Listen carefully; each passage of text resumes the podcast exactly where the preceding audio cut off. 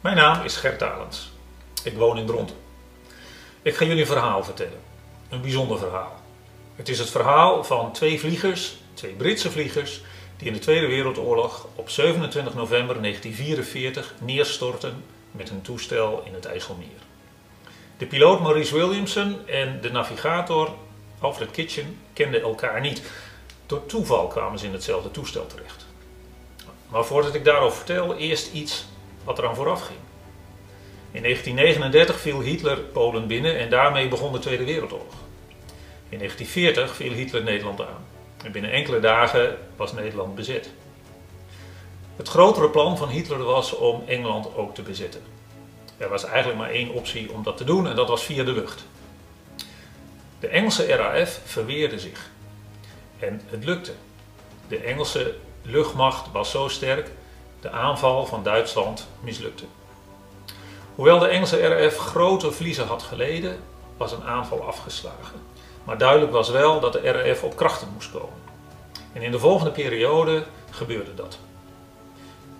Toen in 1941 de Royal Air Force sterk genoeg was, begonnen de eerste vluchten richting Duitsland.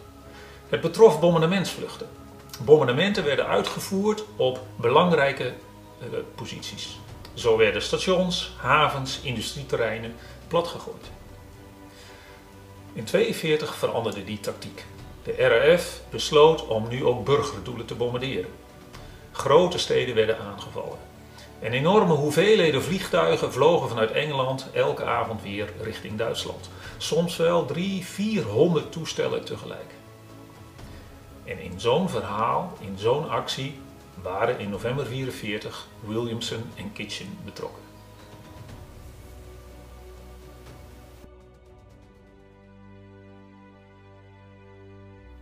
Vliegen naar Duitsland was niet zonder gevaar. Meer dan 360.000 vluchten werden uitgevoerd in die oorlogsjaren, waarbij 44% van de piloten, de vliegeniers, om het leven kwam. Kitchen en Williamson waren dus betrokken bij een van deze, vluchten. Williamson, geboren in 1911, was tabaksverkoper. Maar aan het begin van de oorlog stortte de economie in en Williamson meldde zich bij de RAF. Kitchen meldde zich ook bij de RAF. Voor hem was er geen werk te vinden en ook hij wilde graag piloot worden. Beide heren volgden de opleiding tot piloot en voor Williamson was dat met een goed resultaat. Maar niet voor Alfred Kitchen. Hoewel hij de lessen goed deed, liep zijn examen slecht af. Tijdens de landing was er sprake van een plotseling opkomende mist. Kitchen zette zijn toestel niet op de landingsbaan neer, maar kwam in het weiland ernaast. En in dit weiland stonden grote landbouwmachines opgesteld. Kitchen raakte met zijn toestel een van deze landbouwmachines, sloeg over de kop. Maar wonder boven wonder overleefde hij het.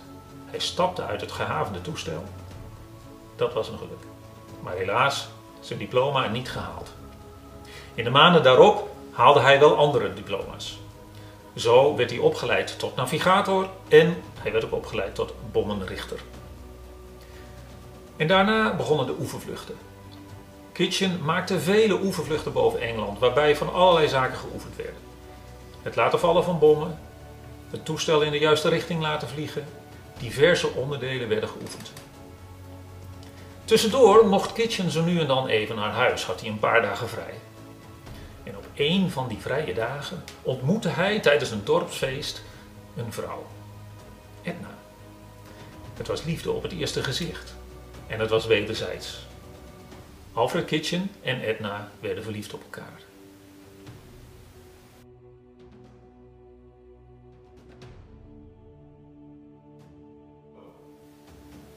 En toen, april 1943, was het zover. Kitchen vloog voor het eerst naar bezet Europa. De eerste twee vluchten verliepen prima. Maar op zijn derde vlucht gebeurde er iets bijzonders. Het doel was Jülich bij Aken. De heenvlucht ging goed, het bombardement verliep ook prima. Maar op de terugweg werden ze beschoten. De beschieting gebeurde vanuit Marken. Het toestel werd geraakt, de piloot werd geraakt. Kitchen, die in dit toestel als navigator diende, werd niet geraakt. En het lukte hem om de gewonde piloot vanuit zijn stoel te halen en om de stuurknuppel over te nemen. En het lukte Kitchen om het toestel veilig naar Engeland te vliegen. Daar geland werd de piloot direct verzorgd en overleefde deze beschieting. Kitchen had het ook overleefd, maar te nauwe nood. Want de volgende dag bij controle van zijn parachute bleek dat hij een klein stukje granaat, Duitse granaat, in zijn parachute had zitten.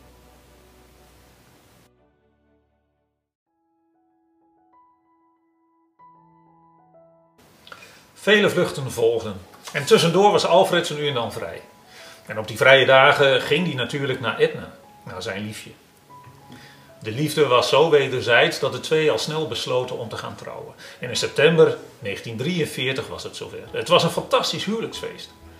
Alfreds vader en zijn broers verzorgden de muziek. Er werd gefeest, er werd gedronken, er werd gedanst. En het duurde dan ook niet lang dat het bericht kwam dat Edna zwanger was. De vluchten gingen door. Zo vloog Alfred bijvoorbeeld mee op die day. Op 6 juni 1944 vloog hij om half één s'nachts naar Le Havre om mee te doen aan een aantal bombardementen. En steeds weer keerde Alfred ongehavend terug. In november 1944 had Alfred al meer dan 80 keer gevlogen naar Europa. Een onwaarschijnlijk hoog aantal. Hij hoefde ook niet meer te vliegen. De regels waren dat had je meer dan 80 keer gevlogen, je niet meer naar Europa hoefde te vliegen, je aan land mocht blijven in Engeland om daar vervolgens je dienstplicht te doen. Maar zo rond 20 november kwam er een speciaal verzoek. De navigator van Maurice Williamson was ziek geworden en aan Alfred werd gevraagd of hij navigator wilde zijn in het toestel van Williamson. Zoals eerder verteld, de twee kenden elkaar niet. Alfred twijfelde. Maar toen hem werd beloofd dat hij 48 uur extra vrij zou krijgen na de vlucht, hoefde hij niet lang na te denken. 48 uur extra vrij. Die zou hij gaan opnemen op het moment dat hun eerste kind geboren zou worden. De geboorte was uitgeteld zo januari 1945. Alfred ging naar Edna en vertelde van zijn plan. Edna schrok. Ze was er niet gerust op. Ze zei: Waarom blijf je niet gewoon aan land? Je hoeft niet meer. Je hoeft niet meer te vliegen. Je hebt al meer dan 80 keer gevlogen. Maar Alfred dacht alleen maar aan die 48 uur en zei: Ik heb straks 48 uur extra vrij en ik kan erbij zijn als ons kind geboren wordt. En dan op 27 november 1944 begint Alfreds 82ste vlucht. Kitchen en Williamson zitten in een Mosquito en zijn onderdeel van een groep vliegtuigen van 290 stuks. Het doel is Neus bij Düsseldorf om een industrieterrein te bombarderen. Boven de Noordzee krijgt het toestel problemen en aanvankelijk weten Williamson en Kitchen deze problemen te verhelpen, maar al snel breekt er brand uit. Het toestel vliegt op ruim 10 kilometer hoogte, maar verliest nu snel hoogte.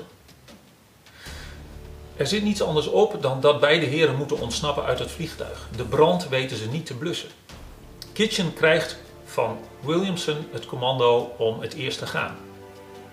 Maar de vlammen zijn zo heftig, de rookontwikkeling is zo groot, Kitchen bezwijkt en komt buiten bewustzijn. Hij kan zich niet zelf meer redden. Williamson ziet dit en is machteloos. En dan is er plotseling een ontploffing en ontstaat er een extra ruimte waardoor Williamson kan ontsnappen. Op iets meer dan 300 meter hoogte springt Williamson trekt zijn parachute open en landt in het IJsselmeer. Hij ziet een stukje verderop het toestel crashen in het IJsselmeer, met aan boord het lichaam van Kitchen. Williamson is geland zo'n 1000 meter uit de kust, uit de kust nabij Kampen. Het is daar niet heel diep en hij weet de kust veilig te bereiken. En wat er toen gebeurd is, is onbekend. Wat wel bekend is dat een dag later Williamson gevangen is genomen. Gevangen zit hij in de Van Heuts kazerne en een poosje later wordt hij naar een Duits krijgsgevangenkamp gestuurd. Dit kamp, Stalag Luft 1 in Bart, ligt in Noord-Duitsland. In dit kamp zitten meer dan 10.000 vliegers. Williamson krijgt bij begin van dit kamp een dagboek. Hij is officier en aan officieren wordt een dagboek verstrekt door het Rode Kruis en Williamson besluit om dit dagboek bij te houden. En zo valt te lezen hoe de omstandigheden in het kamp zijn. De mannen hebben weinig eten, er zijn veel mannen, En zij voelen, zeker als het maart, april 1945 wordt, dat de Russen steeds dichterbij komen. Ze horen de bombardementen en keer op keer zijn die bombardementen dichter bij het kamp. En dan, begin april, zijn opeens de Duitse bewakers vertrokken. En het kamp, vol met de gevangenen, hebben geen bewakers meer. De Duitsers zijn gevlucht, bang voor de aankomende Russen. De volgende dag gebeurt er iets met waardes. Williamson schrijft in zijn dagboek dat vrouwen en kinderen uit het stadje Bart aan de hekken van het kamp staan te rammelen. Ze schreeuwen om hulp. Ze vragen om bescherming van de Engelse gevangenen, omdat ze bang zijn voor de Russen. Twee dagen later zijn die Russen daar. Het kamp wordt bevrijd en Williamson beschrijft hoe de omstandigheden op dat moment zijn. Veel Russen zijn dronken. Veel Russische soldaten maken zich schuldig aan misbruik, verkrachte Duitse vrouwen. Na een paar dagen komt er een nieuwe Russische generaal en deze weet orde op zaken te stellen. En daarna gaat het eigenlijk redelijk snel.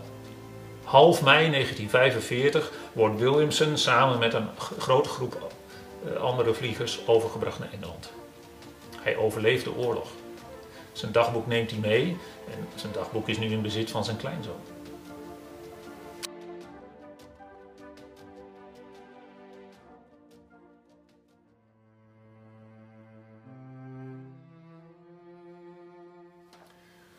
28 november 1944 krijgt Edna Kitchen te horen dat het toestel van haar man wordt vermist.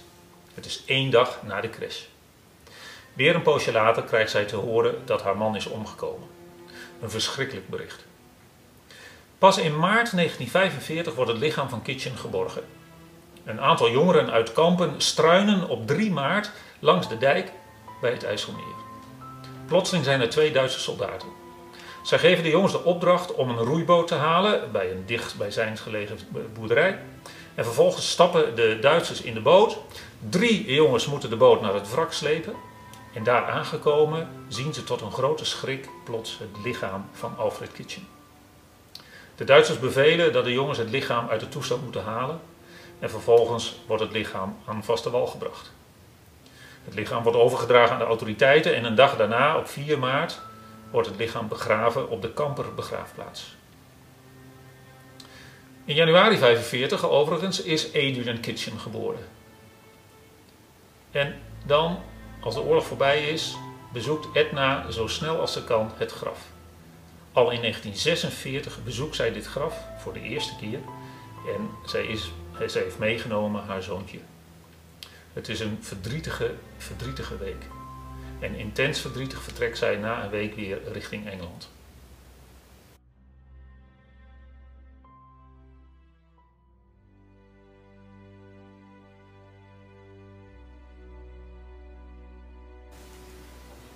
In 1946 wordt Edna uitgenodigd op Buckingham Palace in Londen. Uit handen van King George krijgt zij postuum toegekend aan haar man Alfred de DFC-medaille, de Distinguished Flying Cross. Het wordt toegekend aan Alfred omdat hij op zijn derde vlucht het vliegtuig dat beschoten is geweest veilig terug weet te vliegen naar Engeland. Het is een mooie waardering. Dan in 1950 trouwt Edna opnieuw. Ze trouwt met Benjamin. Benjamin is de jongste broer van Alfred. En samen krijgen Edna en Benjamin één kind, Simon.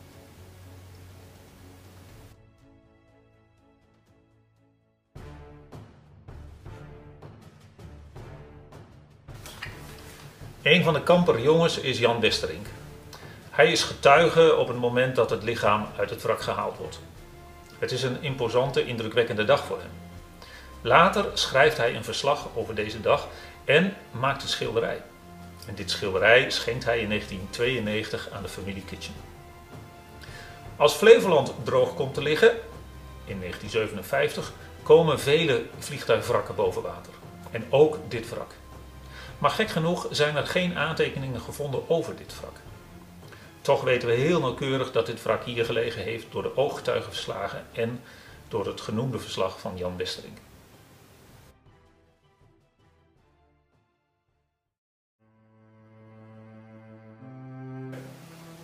Op 4 mei herdenken we de mensen die zijn gestorven gedurende de Tweede Wereldoorlog. In Dronten is er dan speciale aandacht voor Britse vliegers. Meer dan 55.000 Britse vliegers zijn omgekomen tijdens deze oorlog. Het is een onwaarschijnlijk groot aantal. Je kunt je er haast niets bij voorstellen. Maar het verhaal van Williamson en met name het verhaal van Kitchen zorgt ervoor dat het te begrijpen is. Het is een verhaal, een klein verhaal in de grote oorlog. Een belangrijk verhaal om te onthouden, om te herdenken, om bij stil te staan.